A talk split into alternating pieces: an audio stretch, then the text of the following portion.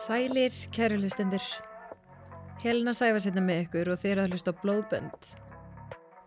Málið í dag er verulega undalegt en það fjallar um þryggjára stelpu sem hverfur á dulaföllan hátt úr targetbúð í bandaríkjónum. Þátturinn er í bóði Blöss og Pentagram. Eins og ég tek alltaf fram er að þátturinn er ekki við hæfi badna. Sagan af Lenoria Jones.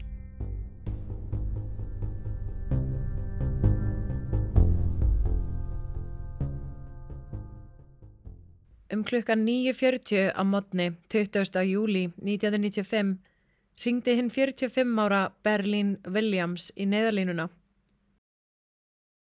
Neyðarlínan, hvert er neyðartilfellið? Já, ég ringi til að sjá, nei, hvað er langt? Ég meina, ég bara, uh, dótti mín er horfin, hún er þryggjára og ég, ég er hér í maturverslun og ég gekk um að reyna að finna hana en ég finna hana hvergi. Er dóttiðin horfin? Já, Hvaða matveruverslun frú? ha, uh, ég, ég var í Target? Svo þú ert í Target en ekki Top Foods? Nei, ég er ekki á Top Foods, ég er í Target núna. Allt í lagi þú sagðir matveruverslun þess vegna spyr ég, en hversu langt er síðan þú sást hana síðast? Uh, ég held bara nokkra mínútur, sko. Hversu lengi, frú? Um, um, um það byrð svona 10, 15, já 10-15 mínútur. Targetbúðin var staðsett í Hilltop hverfinu í Tacoma í Bandaríkjónum. Stór hópur lauruglumanna kom fljótlega á staðinn en þeim tókst ekki að reykja slóðir litlu stúlkunar eða finna út hver hafði numið hann og brott.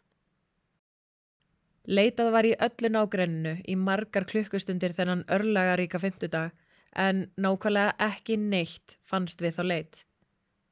Það var bókstaflega eins og heimurinn hafði glift hana. Hún var bara horfin. Lenoria Jones fætist 3. janúar 1992 í Spokane, Washington og byrjaði ævennar vægastrakt á hræðilegan hátt sem ekkert unga barn á þurfa að gangi gegnum. Móður hennar, Deidre Jones, hafði verið í mikilli kókainnislu alla meðgönguna svo Lenoria fættist og þjáðist af frákvarseinkennum, grét mikið, nærðist illa og svaf allt of lítið. Snemma bara nokkura mánada var hún greint með ADHD. ADHD er vanalega ekki greint fyrir en setna á barsaldri, oftast nær sjö ára eða svo og tekur oft mörg ár að fá endanlega greiningu. En börn sem fæðast eftir mikla fíknefnanótkun móðurinnar eru oft greint fyrr og fylst er með þeim betur en öðrum börnum til að finna kvilla þeirra sem fyrst. Lenoria var alla æfi sína á ADHD-livjum til að röskunin hefði ekki jafn hamlandi áhrif á lífinar eins og það myndi gera án livjana. Ekki er vita með vissu hver blóðfæðir hennar var en hann var aldrei inn í myndinni. Samkvæmt Washington Department of Social and Health Services sem er badnavendanemdin í ríkinu var Lenoria tekin frá móðurinnar mjög fljótt eftir að hún fættist. Ástæða þess var svo að á setni hluta meðgöngunar hafði Dítre móðir Lenoríu átt yfir höfði sér margvíslegar ákjærur fyrir innflytning og vörslu á kókaini og leit allt út fyrir að hún erið dæmt til margra ára fangelsisvistar. Henni var þó gefið tækifæri og var dómurinn hennar mildaður allverulega. Hann hljóðaði upp á einsársfangelsi og átján mánuði í samfélagsþjónustu aðalega í þeirri von um að hún myndi vilja snúa lífi sinu við og verða hæf móðir Lenoríu. Tækifæri sem öruglega margir hefðu tekið eins og gjöf frá almættinu. En vegna þess hver djúft hún var sokkin í neyslu, stakk hún bara af til Arkansas, þar sem hún ákvaða að búa næstu árin og let dóttu sína segja ekki varða á nokkurn hátt. Vegna þess að móður hennar yfirgafana og fadur hennar var aldrei inn í lífinar, flakkaði Lenoria um í fóstukerfinu frá unga aldri en dvaldi líka hjá ymsum ættingum. Sumari 1994 flutti Lenoria til frængu sinnar, Berlín Williams. Berlín hafði alist upp á trúalegu heimili í Mississippi en endaði með því að flytja til Washington snemma á fullanisárum, þar sem hún bjó með bróður sínum Frank Jones og eiginkonans Annie Jones. Berlín kynntist frá manni sem hún giftist og eignast þrjár dætur með stuttu millibili. Þær héttu Natasha, Narissa og Ulissa Johnson, en hún og eiginmaður hennar skildi svo einhverju setna og þá flutt hún yfir í vesturhluta fylgisins, til Tacoma, þar sem hún giftist aftur og fætti fjóruða badni sitt og engason, Maurice Williams. Eftir að hafa verið kennari í svona sunnundagsskóla við Marantha kirkju, fann Berlín að tilgangur hennar í lífinu væri einfallega að sjá um börn og var alveg til fyrirmyndar á því sviði. Hún elskaði að vera mamma og, og elskaði einnig að grýpa önnur börn sem þurfti á hjálpa að halda. Þegar Leonoria kemur í heiminn bjá Berlín í Hilltop hverjunni í Tacoma með dætunum sínum þremur sem voru komnar yfir úlingsárin og sininar sem var að vera tíóra. Hún var dagmamma alla virka daga, svo nóg var að gera og mikið líf á heimilinu. Dagvistunin hennar hétt God's Wonderful World of Colors.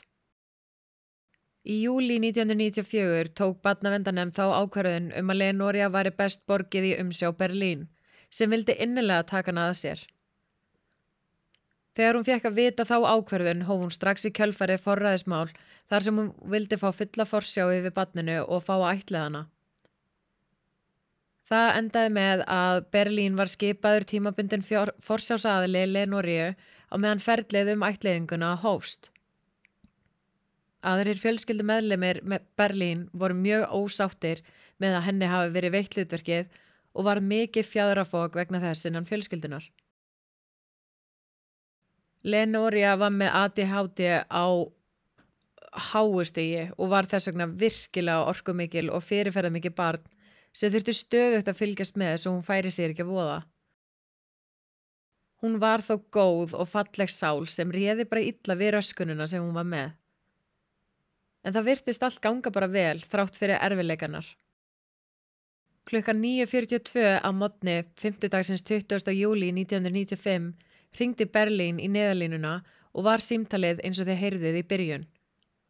Til að láta þá vita að Leonoria hafi horfið um morgunin á meðan þær fóra versla í targetbúð sem var um það í 30 km fjallaði frá heimilegra. Berlín fullirti við alla sem komið að rannsókninni þegar hún var nýhafinn að þær tvær hefðu verið inn í Target að versla og meðan þær voru að skoða sundvett fyrir Berlín týndist Lenória rétt á meðan hún leita af henni augunum. Upprunalega var talið að Lenória, þetta indislega en ofvirka barn, hafi bara náð að hlaupast í burtu og hún kæmi í leitinnar fljótlega. Lauruglan ákvaða að horfa á eftirlitsmyndavelar búðarinnar þegar tíminn leið og ekkert bólaði á stelpunni til að sjá hvar Lenória sást síðast í búðinni og hvort einhver hafi fyllt henni eða ekki. Eftir að tíminn sem barnið átt að hafa horfið hafði verið farið margóft yfir allar myndavela búðarinnar kom slöðurgluna því að eitthvað dulafullt var á segði. Lenória sást nefnilega hvergi í mynd. Hún sást hvergi koma inn í búðina hvergi inn í búðinni sjálfri eða yfirgefana. Berlín sást hins vegar í mynd en hún var allan tíman einn. Að sjálfsögðu var eitthvað dölufullt og rámt við það sem Berlín hafi sagt svo hún var kölluð til yfirherslu til að útskýra hvers vegna hún hafi logið þessu. Hvar var litla frængunar sem hún tilkynnti? Hver var útskýringin á þessum fulliringum hennar? Yfirherslan varði í margar klukkustundir og voru frásagnir Berlín allar mismunandi sem ítir enn meira undir að eitthvað hafi gerst sem Berlín reynda að ljúa sig út úr. Hún sagði til dæmis að kannski hafði litla frængunar ekki verið meðinni í búðinni sem er náttúrulega bara fárálegt svar. Annarkvort var barni meðinni eða ekki, það er ekki tægt að fara eitthvað í kringum það. Leitar og björgunarsveitir leitiðu linnulegst um allt svæði í kringum targetbúðina. Sett var upp svona aðalstöð fyrir leitina í kathólskum skóla sem var hinum einn við götuna þar sem targetbúðin var staðsett og var notað bílastæði við skólan fyrir alla lauruglu og björgunarsvita bílana sem notaður voru við skipulaðar leitir. Húsleit var framkvæmd á heimili Berlín en ekkert fannst sem gaf einhverja vísbendingar um hvort eitthvað sagnæmt hafi átt sér stað eða hvar Lenória væri niður komin.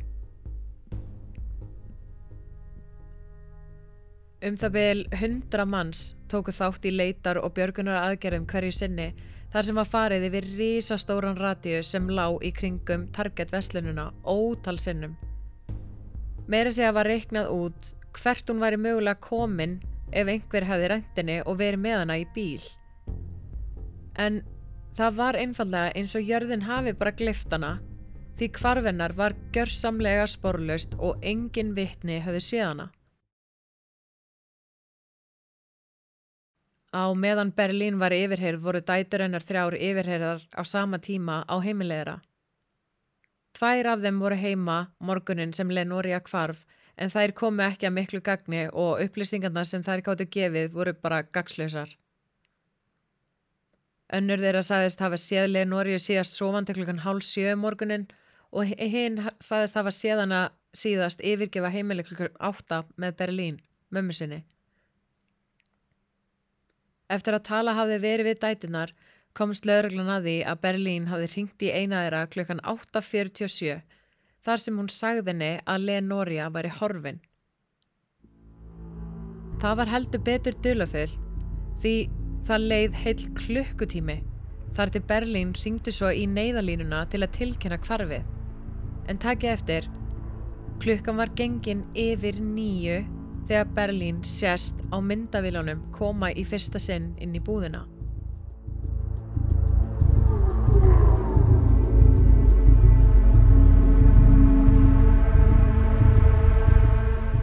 Svo hún var búinn að tilkynna dóttur sinni að barni væri horfið áður en hún gekkin í target.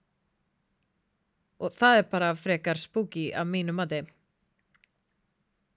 Áður en við höldum áfram skulum við heyra örstuttar auðlýsingar frá styrtaraðalum þáttana.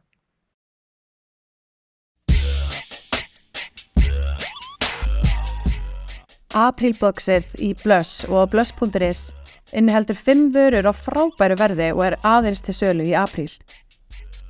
Boxið samanstendur af læstu geimstuboksi, eggi með fjasteringu, nuttvendi, vassleipefni og hreinsefni. Það er geggjað verð á aprilboksinu en það kostar 15.990 krónur í staðin fyrir 24.150. Með afsláttakóðunum blóðbönd við greiðsluferlið færðu auka 10% afslátt. Blöss á Dalvi 32 og blöss.is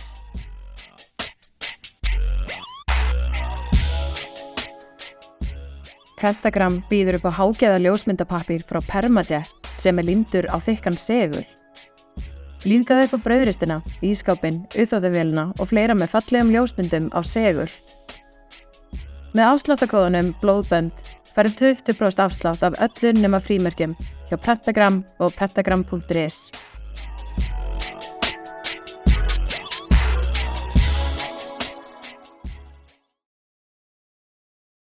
Tuttugasta fyrsti júli Hjælt leitinn að Lenória Jones áfram og lauruglan reyndar ringi og eiga orð við flesta fólk sem Berlín þekkti og var í sambandi við.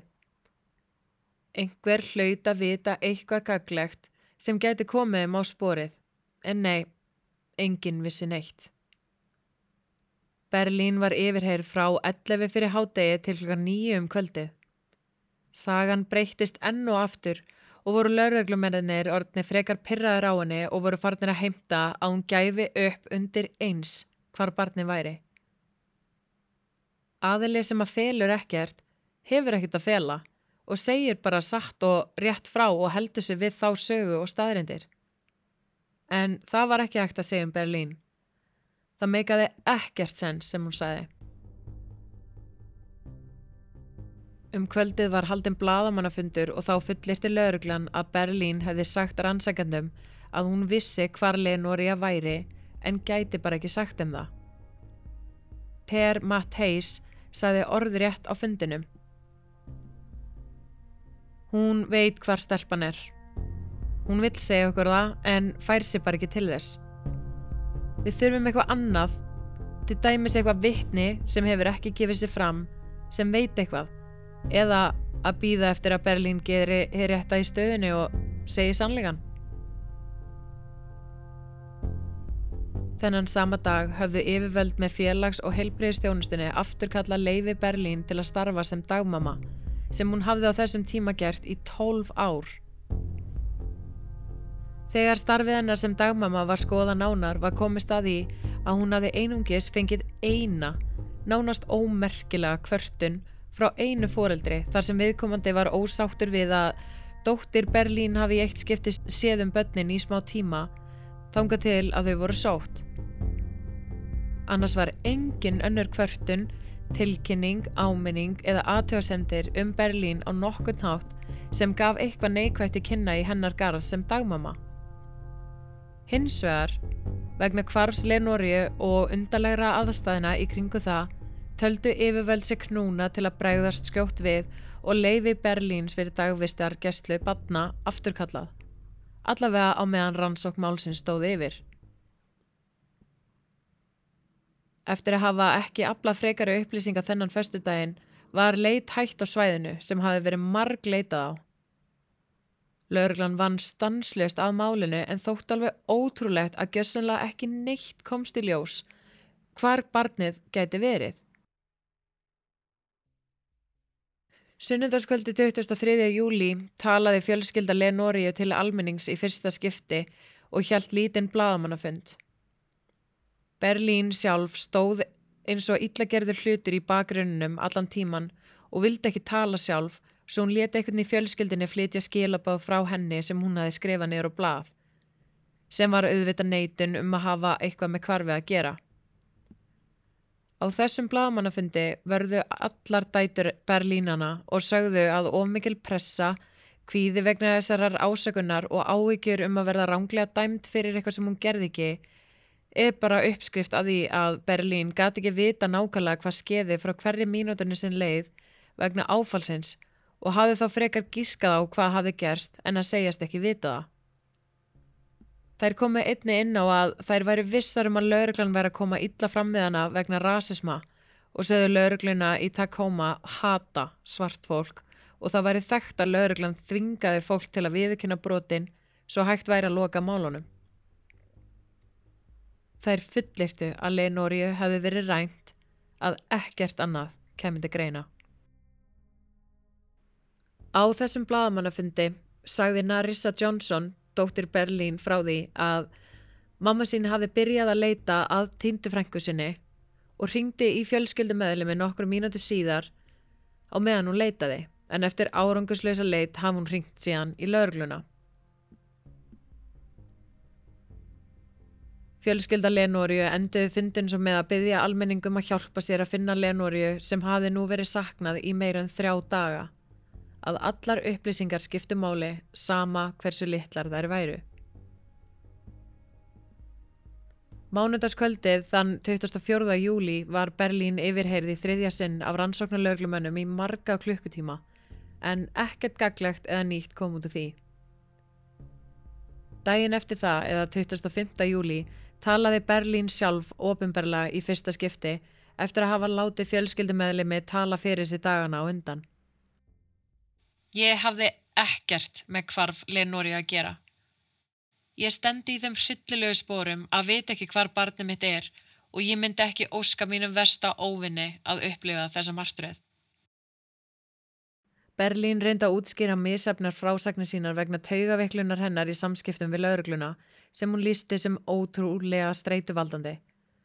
Auk þess sem hún fullirti að hún vissi alls ekki hvar Lenóri að væri eða hvað hafði gerst.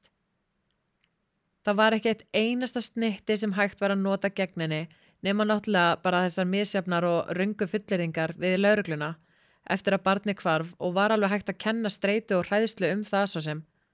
Þótt að það sé bara mjög grunnsalegt. Berlín saði við bladamenn að hún skoraði á laurugluna að leita betur að Lenóriu í staðis að eigða svona miklum tíma í að yfirheyra hana og grunana fyrir eitthvað sagnæmt. Miðvíkudaginn 27. júli var Berlín kölluð til að bera vitni í Pierce County Júvil Court eftir að hafa verið stemt af félags- og heilbreyðismála ráðunitinu sem hafi sviftana dagvistunarleifi vikuna áður. Yfirmenn þessara ráðunita vildu fá Berlín til að tjá sig í vittnastúku undir eið þegar hún erði spurð um Lenóriu. Ef hún myndi ljúa undir eið í þessari yfirheyslu myndi forræðismál hennar og ætlaðingaferli falla um sjálft sig og dómurinn erði þingdur ef hún hefði eitthvað með kvarfi að gera. Vinsælasta kenningin sem laurugla og fjölmiðlar heldu fram á fyrstu dögum þessa máls var svo að einhver annar fjölskyldumöðlumur gæti hafa rænt Leonoríu. Þegar öllur á botningkvolt var ákverðin barnavendar að Berlín fengi að sjá um stelpuna mótmælt og sumir höfðu þá kenningu að óanaður fjölskyldumöðlumur gæti hafa tekið málinni sínar hendur og hjaldinni í felum. Stemma í rannsókninni reyndi lauruglana hafa upp á lífræðilegri móður Leonoríu sem þeim var sagt að byggja í Texas. En komist var að því að hún bjó í Arkansas og rannsækjadur höfðu leitað til laurugluna í Star City til að aðtöga með hana og ástandið á henni. Eftir að Dídre hafði setið í fangelsi í eitt ár og afplánað átjón mánada samfélagsþjónustu var fengið leifi fyrir húsleit á heimilennar. Lauruglan fann engin spór af Lenóriu á heimilinu. FBI töluði við Dídre og ættingennar og nánustu vini og töldi á lokum að hún hafði ekkert með hvar Lenóriu að gera. Miða við fyrirleikjandi gögn var talið að enga líkur væru á að hvarf stúlkunar hefði neitt með forræði steila að gera. Varandi þessa trú að Leonoria hefði ekki verið rænt vegna forræði steilu, sagði Jim Mattains, yfirmaður rannsóknarinnar við News Tribune. Því meiri tími sem líður, minga möguleikarnir á jákvæðum niðurstöðum. Þó sé að við verðum að vona að þetta dulafulla mál endi vel, er staðrindin svo að hún fjarlægist hraðar þegar engar vísbytningar um hvarfið er að finna um þá. Á næstu mánuðum voru Berlín og fjölskylda hennar í Tacoma ásamt móður fjölskyldu Lenóriu ekkert að vanda sig með hvert þau ásökuðu um að hafa rænt badninu. Þau ásökuðu meira öll hvort annað og bentu fingurum í hvað átt sem er til að kenna um. Það hafði nákvæmlega ekkert upp á sig vegna þess að rannsóknmálsins miðaði ekkert áfram í þessum átökum. Engar sannanir eða vísbendingar voru enn til staðar. En ein kenningin er svo að Lenóriu hafi verið gefin of stór skamtur af livjónum sem nótuð voru til að meðhendla ADHD röskunin hennar. Liv sem heiti Desipramin, öðru nafni Norpramin, var þrýhyrningarlaga þunglindislif sem var fyrst og fremst notað til að meðhendla enginni ADHD og í sumum tilvikum við kókainfík sem gæti hafa verið ástæðan fyrir því að það var, að það var valið til að meðhendla röskun Lenóriu. Í öðrum tilfellum hafði norpramín verið notað til að meðhöndla hugsanleg hegðunumvandamál. Norpramín er meira róandi en önnur að ég háti lif en er lífshættulegt ef það er tekið í of miklu magni og getur leitt til einnkjöna eins og sifju, óeðlilegs hjartsláttartíðar, hjartabilunar og hvað þá þegar barnið þetta ungta aldrei. Vanalega er ekki mælt með Norpramín fyrir börn yngre en 18 ára en elsku barnið var 30 ára að nota þetta lif. Eins og í símtalinu sem við heyrðum í byrjun erum við að hlusta á móður sem hefur týnt 30 ára barninu sínu en það er engin brín nöðsinn í röttin hennar og hún hljómar bara sljó og eins og hún sé bara byll eitthvað á meðan hún er að tala. Yfirleitt eru mæður skítrættar og almennt grátandi þegar þær átta sig á að batnið er að sér tínt og finna það ekki og óttast að sjálfsögðu hvað muni gerast næst. Ekkert við þetta símtal meikar sens. Þó að rannsakandur hafi eitt fyrstu mánuðu málsins í að vera ansi gaggrínir á Berlín í lok árs 1995 höfðu þeir algjörlega varpað varfærni út í loftið. Það var þegar lauruglumenn byrjuðu ofinberlega að ásaka Berlín um hvar frængunar. En það lág engin ástæða fyrir því að Berlín ætti að hafa viljað valda Lenóriu skada af einhverjum ásetningi. Engin skjálfestmerki höfðu verið um misnótkun, engin hafði minnst á að Lenóriu var mistyrnd eða vannrækt á nokkurn hátt á heimilinu og allt bendir til þess að stúlkan hafi aðlagast ætlitri fjölskyldu sinni nokkuð óafinnalega. En hvað ef Lenoria hafði dáið óvart? Stuttu eftir að hafa frétt að hvarfi Lenoria 20. júli 1995 fór lauruglan á Mary Brits barnaspítalan í Tacoma og ráðfærði sig við heilbreyðistarsfólk þar um líkurnar á því að barn myndi geta dáið vegna intöku á þessu lifi. Lauruglan komst á að því að líkurnar væru bara sláandi miklar, sérstaklega á fyrstu dögum nótkunar á lifinu og það átti við um jafnvel litla skamt af því. Að sögn Terry Bronk, þáverandi livjafræðings hjá Mary Brits, myndi 150 milligram eða 15 pillur koma barni af stærð Lenoríu í lífsættulegt ástand og 30 pillur eða 300 milligram myndu leiða til dauða án tafalusrar læknishjálpar. Nú á dögum er nótkunn Norpramín vennulega takmörkuð fyrir úlinga og eldri en sjaldan er gefið neinum yngri en 12 ára og afar sjaldan börnum um 30 ára aldur. Bara nánast aldrei. Að vera í minni stærð eða vexti getur valdið alvarlegri viðbröðum við ákveðnum livjum eða efnum vegna þess að líkaminn vinnur þá úr þeim á annan hátt. Svo þetta var bara afar líkleg kenning. Berlín og lögfræðingurinnar vildu fá tækifæri til að reynsa mannorð Berlín ofinbarlega vegna þess að frá kvarfinu var Berlín talin sökudólgurinn og hafði mist allt lífsitt í kjölfarið af þeim ásökunum. Hún hafði jafnvel fengið margar líflátshótanir frá íbúum sem töldan að bera ábyrð á kvarfi Lenóriu. Berlín reyndi að opna dagvistina sína aftur og stóð heil lengi í því að fá leifið aftur. En á þeim tíma var henni sagt að dagvistun barna á heimili hennar getur bara ekki opnað aftur fyrir en dulafulla kvarfið á þryggjára barni hennar umsjá hafi verið leist. Í þessum sama mánuði fóru yfirvöld fram á að Berlín erði haldið í stofufangelsi til 19. janúar 1996 í um það byl fjóra mánuði. En á þeim tíma var engin ákæra lög fram á hendurinni og ekkert komst í ljós sem benti til þess að hún hafði eitthvað með kvarfið að gera. Því miður er enn þann dag í dag Lenoria Jones ófundin og kemur líklega ekki til með að finnast úr þessu. Nema að sá aðili eða aðilar sem vita hvað raunverulega gerðist komi fram og segi salninga. Blóðmóðir Lenorium sagði í fjölmjölum.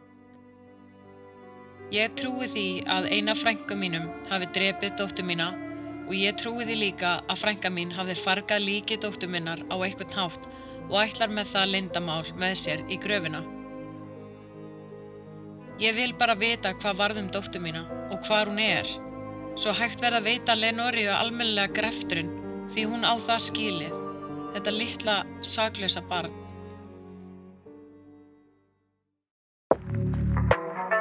Jæja, þá er þessi sorglega máli lokið. Hvað haldið þið að hafi gerst? Það væri gaman að fá ykkar skoðun og tólkun á þessu máli því það er svo undarlegt að engin spór eða vísbendingar leitur neitt í ljós og hefur enn í dag ekki gert það. En mér langar að minna á hexdesign.is og ég vil gefa ykkur hlustendum 20% afslátt af öllum vörunum þar inni. Taki bara fram við pöntunina að þeir hlustið á þættina og ég skal slá 20% af verðinu. Ég er svo þakklátt fyrir allar þessar hlustanir. En í tilefni páskana og glataðra málsáta sem ma maður færi í eggjónum í dag vil ég segja ykkur uppáls málsáttin minn. En hann er maður uppsker eins og maður sáir sem gæti ekki verið hverju orði sannara. Að þessum orðum loknum vil ég bara segja hafið það sem allra best. Þá getur næst. Góða stundir.